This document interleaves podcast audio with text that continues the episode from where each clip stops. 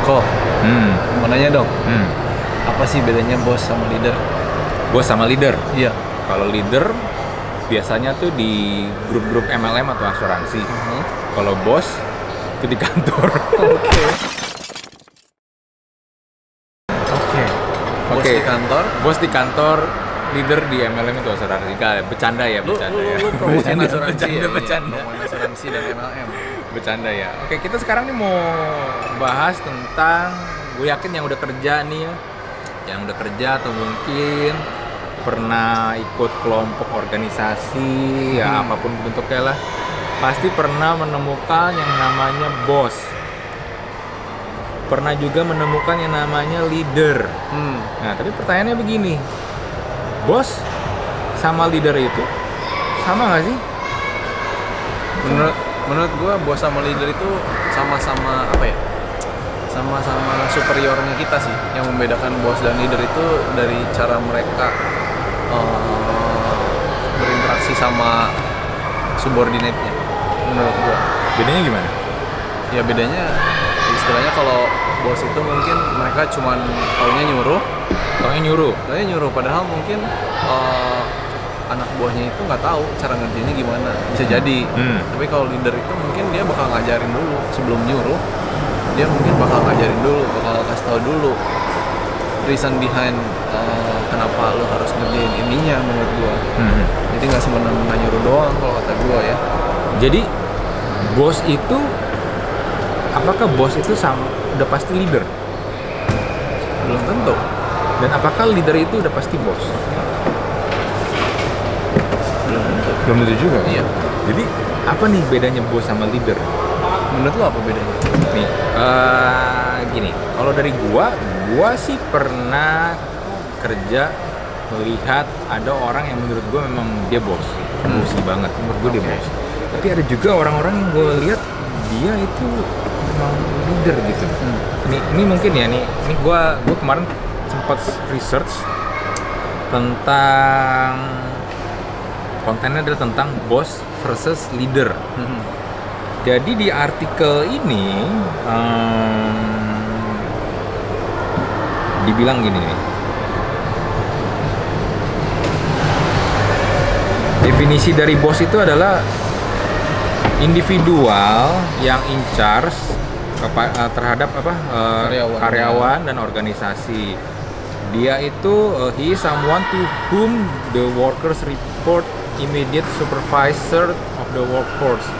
Jadi intinya adalah dia yang memang ya dia yang in charge di situ. Iya. Dia yang Karyawan harus report ke dia. Iya, ngasih report ke dia. Dia dia dia yang kasih perintah. Begini begini begini udah. That's it. Hmm. Dan dan di chartnya di chart organisasi there is no formal title like a boss. Jadi nggak ada tuh titel titel Boss. formal bos tuh nggak Iya. ada. Tapi ini biasanya biasanya kecenderungannya adalah term untuk mengindikasikan orang tuh kalau dia tuh uh, ownernya atau dia kepalanya, Iya. direkturnya atau manajernya. Hmm. Pokoknya intinya orang yang ada levelnya lebih di atas lu dah Iya, itu iya. bos. Nah, tapi kalau leader, leader ini adalah orang-orang yang punya kemampuan atau ability untuk menginfluence, mempengaruhi dan menginspirasi orang lain untuk mencapai suatu goals, Hmm. suatu tujuan.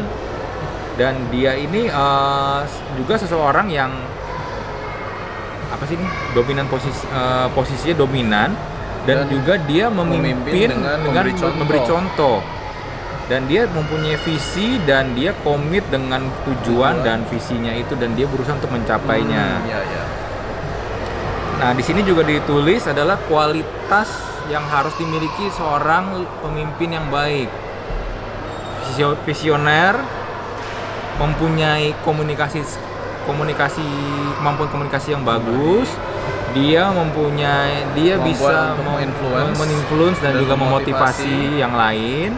Menstimulasi pekerjaan. Iya. Wah, maksudnya menstimulasi orang untuk Iya, bisa bekerja. bisa bekerja dan juga dia punya Goal goals yang yang, jelas. clear yang jelas Bisa dan dia mengapresiasi. mengapresiasi juga orang-orang di dalam timnya Iya, iya. dan dia juga bisa memberikan contoh dia mem- mengambil tanggung jawab dan melakukan hal Hmm. yang tepat Oke.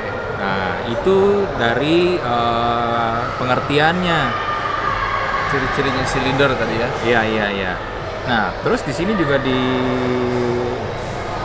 ada lagi nih key difference between boss and leader. Boss itu tadi kita tadi ya, boss itu adalah person in charge. Ya udah person in charge saja. bos itu ditunjuk juga mungkin Iya, kadang ditunjuk, kadang juga memang ya dia dikasih posisi itu ya Iya. mungkin karena dia anaknya yang punya perusahaannya ya atau juga misalnya dia temennya ya kadang-kadang eh, relasi. relasi lah relasi Iya, lah. iya. nepotisme. Istilahnya nepotisme. Oke, oke. nepotisme. Tapi tapi lo sendiri pernah nggak ngerasain bekerja di bawah bos dan bekerja di bawah leader? Gue gue pernah ngerasain dua-duanya. Pernah. Gua pernah ngerasain dua-duanya. Eh, pekerjaan pertama gue dulu gue kerja di sebuah bank Citibank Eh, manajer gue itu gue dibilang itu adalah tipikal bos. Hmm. kenapa tuh Kenapa gue bisa dia bilang bos? Karena dia eh, Hmm. ya itu. Dia orang yang ditunjuk untuk mengisi posisi itu. hmm. Tapi eh, di beberapa kesempatan atau di beberapa momen dia nggak tahu harus mau ngapain kadang-kadang. Dia cuma tahu Oke. dia cuma tahu suruh punya target begini udah Hmm. jualan penting. Nah, dia nyuruh anak buahnya untuk Iya iya iya iya. iya. targetnya Even waktu itu pun eh, kita minta contoh supaya dia contohin dong cara misalnya kita mau mau gitu kan gue kayak marketingnya gitu kan kayak Iya. nyari nasabah buat masuk gitu kan. Iya. Even memberikan contoh gimana cara misalnya melakukan calling ke orang yang nggak lu kenal, Hmm. approach ke orang, dia nggak mau, oh dia nggak mau kasih lihat, hmm. dia nggak mau kasih lihat, dia nggak mau, dia nggak mau anak buahnya belajar sendiri gitu ya kan ada training segala macam sih tapi maksud gua kan kita kan pengen lihat nih lu kan istilahnya kan dalam tanda kutip lu kan harusnya ngelit kita Panutan dong iya dong Ya. apalagi gua kan anak baru masih fresh graduate nanya coba dong contohin gimana. Dia nggak mau. Ah nggak usah ngapain? Menjawabnya begitu gak usah ngapain? Oke. Kan jadi kan jadi jadi dipertanyakan kan loh Hmm. orang eh, kenapa nih? Gitu. Hmm. gua gua pernah ngalamin eh, ada momen kayak gitu. Sedangkan kalau untuk yang posisi yang leader eh sebenarnya gini gua kalau untuk ngomong kerjaan kantoran ya gua nggak pernah kalau secara pengalaman gua nggak pernah menemukan orang yang posisi bener leader sih. Bentar tapi kan kalau nggak salah lu pernah kerja di asuransi kan? Iya pernah di asuransi. Nah lu nggak disebut leader Andre? Menurut gua menurut gua kalau di asuransi itu menyebut kata leader itu agak-agak misleading sih. Oh kenapa tuh? Ya mereka menyebutnya karena lu lu punya tim lu punya lu punya tim ya lu lu kepalanya lu leader. Oke. Tapi kan eh, ya itu tadi leader itu kalau kita tadi me- melihat definisi definisi tadi kan memberikan ada visinya iya. menginfluence orang. Uh-huh. tapi kadang-kadang kalau di asuransi sendiri ya lu lu nyari memang lu nyari atau kadang-kadang lu dikasih eh nih ada nih lu tolong dah lu yang ini dah. Hmm. tapi ya that's it gitu aja gitu. Dan Hmm. dan kadang-kadang tuh lu eh, gimana ya kalau gue bisa memberikan contoh leader yang jelas yang punya karisma yang punya visi dan ketika dia ngomong itu orang dengerin dan orang mau bergerak bersama-sama me- menuju goals yang dia set dan mau ikut dia itu salah satunya menurut gue adalah Steve Jobs. Oh oke oke. Itu contoh leaders yang menurut gue yang kemampuan dia menginfluence people tuh kuat banget. Kuat ya. iya dia ngomong apa orang langsung Iya iya walaupun kadang-kadang nggak dimaksud. Dia masa sih Iya, bisa sih? Nggak mungkin lah. Apalagi eh, pas zaman itu eh, kalau ngomong Apple kayak iPhone iPhone iPad itu kan dulu belum Oh, ada kan kayak iya. gitu-gitu kan. Berarti dia punya harus punya suatu apa ya visi ya? Iya visi visi. Sedangkan menurut gua kalau tadi lu kembali lagi kalau ngomongin tentang asuransi Mhm. agak misleading sih menurut di situ. Sih. jadi karena harusnya agen-agen asuransi itu ngomongnya apa dong ya. Ini leader saya bukan leader saya dong ini Ya. bos saya bukan bos saya juga. Ya kalau ngomong head mungkin supervise ya atau manajernya ya mungkin masih lebih cocok kali ya. Tapi kalau ngomong dia leader ya Iya. tergantung bisa jadi emang dia leader.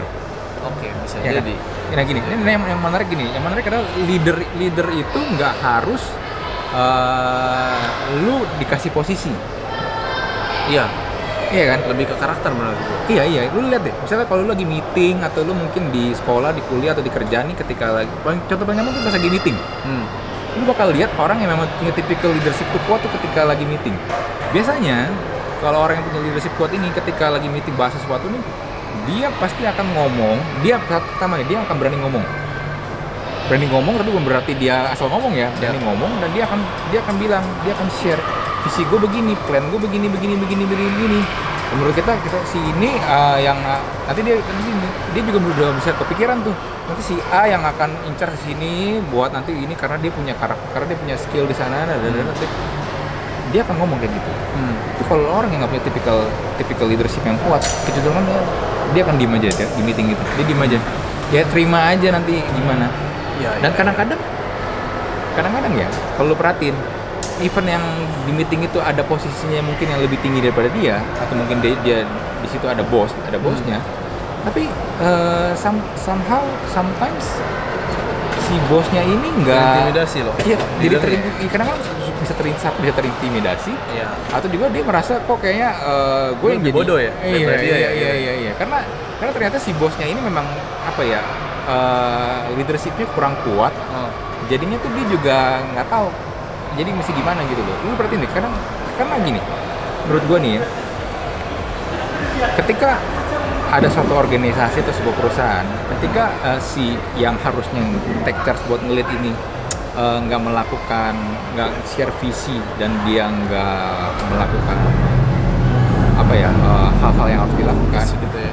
hal-hal yang harus dilakukan sebagai seorang leader dan ada orang lain yang melakukannya Ya, Dia merasa terancam. bukan terancam Ca- orang yang akan orang yang jadi apa eh, timnya di situ akan lihat ini leadershipnya nih udah diambil sama nih orang nih. Hmm. visinya udah diambil sama dia nih karena dia nggak bisa share itu itu itu nggak bisa dibohongin dan gue yakin lu pasti pernah mengalaminya juga kan kayak gitu kan Benar. pernah gak sih kayak gitu Pernah. ya gimana Ya di tempat gue kerja sebelumnya lah. Gimana Tempat gue kerja sebelumnya itu kan gue berhadapannya menurut gue itu dengan bos sih. hmm. Karena dia sendiri kadang nggak nggak itu yang gue bilang Hmm. dia nggak mengajarkan dia cuman eh, dia nyuruh biasanya dia nyuruh tanpa mengajarkan Hmm. satu Hmm. dan yang kedua itu menurut gue yang ngebedain banget ya Hmm. yang ngebedain yang paling jelas kelihatan banget bos itu kalau misalkan salah mereka akan bertindak seolah-olah mereka tetap benar. Tapi kalau leader mereka bisa bilang oh maaf ini memang uh, saya salah harusnya begini. Iya, dia leader punya kecenderungan akan nunjukin oke eh, yang salah bisa jadi gua. Iya, karena gua nggak karena gua mungkin kasih petunjuknya nggak jelas. Ah ya atau mungkin dan dia akan nunjukin salahnya di sini. Betul betul. Ya, tapi kalau bos kecenderungannya biasanya gini dia nyalain lu. Iya nyalain kita atau nggak seolah-olah Hmm. kayak ya udah nggak ada nggak ada nggak ada nggak ada salah gue pokoknya di sini iya iya gitu loh itu menurut gue sih Nah, di sini juga ada yang menarik nih. Bos itu eh, dia tuh mendapatkan respect, respect dari timnya karena otoritas at- atau senioritas. Tapi kalau leader dia earn respect, mendapatkan respect karena dirinya sendiri eh, ya dari tingkah lakunya, attitude-nya, Hmm. eh, sense of goodwill-nya dia, Ya, ya, ya kan tujuan baiknya dia dan karakternya dia. orang respect karena karakternya ya Iya iya dan, dan menurut gua kalau ngomongin respect ya, gua kadang suka bingung sama orang yang suka gini, eh lu harus respect respect dong sama gua. hmm. Bisa nggak sih kayak gitu? nggak bisa juga sih Ya, karena gua lucu, orang orang minta supaya lu minta orang buat respect sama lu. Dan menurut gua respect itu nggak bisa diminta lu. Lu nggak bisa perintahin orang buat respect sama lu Iya. karena respect itu memang harus lu dapetin. iya betul or- harus lu dapetin ya dapetin gimana ya dengan lu personal approach lu gimana lu komunikasi lu gimana sama dia Betul, sikap betul. lu gimana lu memperlakukan orang itu baik atau enggak iya Tapi betul kalau misalnya lu lu rese terus lu minta lu respect sama gua, kenapa? Karena gue bos. kan nggak bisa gitu juga kan? iya iya betul betul ada malah pengen keluar ya langsung ya Eh, iya. Dan you know what? 90% orang kenapa resign dari sebuah perusahaan? Karena bosnya. hmm. Ya, kan? karena, bosnya. ya Karena bosnya. karena udah gak nyaman ya kerja di Iya, situ iya. ya. Nah, terus di sini juga dibilang perbedaannya adalah eh, bos itu always profit oriented. Aha. sedangkan leader itu people oriented. Nah kalau nah ini juga ciri yang bahasannya berat ya hari ini ya Iya hari ini berat. Nah, tapi tapi ini it happens kalau lu Hmm. udah kerja, lu pasti akan ngerasain. iya iya Nah Oh kalau iya, yang- sama satu lagi nih yang yang yang gue bisa bedain bos dan leader menurut gue. menurut gua kalau bos itu eh, karyawannya itu nggak bisa menyelami pikiran bosnya karena karena dia kerjanya nyuruh doang tapi kalau misalkan leader mereka ngajarin eh, sehingga karyawannya itu bisa dong bisa menyelami pikiran si leadernya ini si superiornya ini dia Hmm. tahu gimana caranya si leadernya ini mikir itu menurut gue dia bisa tahu Hmm. Ya, gue setuju, gue setuju sama itu sih. Nah, di sini balik lagi ke sini nih. Eh, di sini dibilang kan bos itu kan profit oriented profit oriented kan. Iya. Nah, lu bakal ngerasain kalau ini bos ketika mereka si bos-bos ini menganggap lu tuh sebagai kos. hmm. iya benar Gue harus ngegaji lu, gue harus bayar lu itu kos buat gue. Hmm. Jadi lu harus kerja yang bener buat gue. Itu kos. Kalau leader, dia menganggap lu sebagai aset. Hmm. Tuh, lu tuh aset gua. Kalau gua nggak ada lu tuh, kalau lu nggak ada tuh, eh, ya berarti gua kehilangan, gua kehilangan.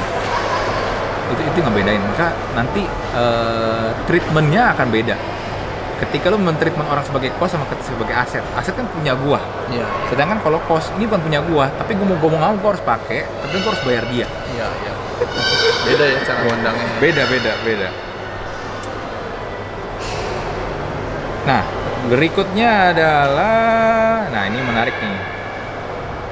Bos itu selalu menyalahkan karyawannya atau timnya ketika ada sesuatu yang ada yang Salah. salah. Tapi kalau leader, tadi kita bilang, dia akan mem- membantu untuk memperbaiki apa yang salah. hmm iya betul Itu bedanya. terus kalau misalkan lu di tempat kerja lu yang sekarang itu siapa tuh kok Gue bisa bilang, gue bisa bilang dia itu bos, dia itu bos not, not leader. Not leader. Karena ya itu beberapa hal yang tadi yang mesti kita butuhkan sebagai seorang leader yang tadi udah kita bahas tadi hmm. eh, banyak yang nggak punya. Hmm.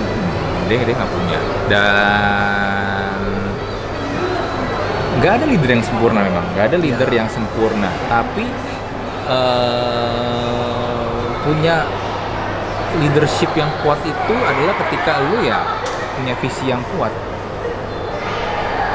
Orang tuh nggak akan lari sih kalau menurut gue ya. Orang tuh nggak akan lari orang nggak akan menghujat lu orang nggak akan benci sama lu ketika Hmm. lu mimpin. Kalau lu punya visi yang kuat dan lu memperlakukan tim lu dengan baik. Iya setuju gue itu you will uh, tapi untuk jadi leader itu ya susah juga loh. Emang emang susah sih. Butuh butuh ya istilahnya butuh pengalaman. Ya memang. Dan menurut gua kalau ada sekolah ada sekolah-sekolah leadership itu menurut gua ya bohong tuh ya. nggak bohong tapi secara teori lu bakal dapetin iya. Tapi bukan berarti secara praktek susah tuh. tapi bukan berarti ketika lu lulus dari sekolah leadership atau kursus leadership langsung itu jadi lu langsung, lu langsung jadi Iya, seorang leader. benar, lu gini deh paling gampangnya. Lu nggak akan jadi leader kalau lu nggak ada follower. Iya. Bukan berarti lu lulus dari kursus atau sekolah itu lu langsung jadi leader. Ya kalau lu lulus lu nggak ada yang ngikutin lu ya gue kan, follower ada di Instagram banyak loh Iya, mungkin makanya kan namanya kan influencer kan kalau di Instagram. karena dia lu- nggak banyak gue cuma seribu Iya kan, itu Iya, kan iya. influencer kan karena dia menginfluence orang supaya misalnya pakai nih produk. Ya secara nggak langsung dia dia dia ngelit ngelit followernya supaya pakai itu produk. berarti influencer bisa kita sebut sebagai leader dong Ya, leader leader dalam arti kata tertentu. leader dalam sektornya ya dalam- Iya, iya dari arti kata tertentu. Dan iya iya. kan dan sometimes kan followernya kan lihat pakai itu produk ya dia kan nggak nggak lu bayar kan? Gua nggak tahu Hmm. gua nggak tahu ada follower bayaran nggak supaya pakai itu produk gue sih nggak tahu. Enggak enggak ada. Gue nggak tahu ya siapa tahu ada. Ya begitu guys. Bedanya bos dan leader ya Leader. dari kita. Ya sekali lagi leader yang baik adalah leader yang punya visi yang jelas. Yang bisa mencontohkan. Dan memberi contoh dan juga dia bisa treat timnya dengan baik people oriented not profit Iya, oriented dan mendapatkan respect dari timnya, Betul. bukan minta. iya betul So buat kalian sendiri yang kerja atau mungkin kalian di posisi di posisi di posisi di mana kalian harus manage tim, kalian sendiri ini tipenya bos atau leader atau sekarang nih eh, kepala dari divisi lo nih atau ke- atau pemimpin perusahaan lo ini itu bos atau leader. Jangan lupa sharing ya.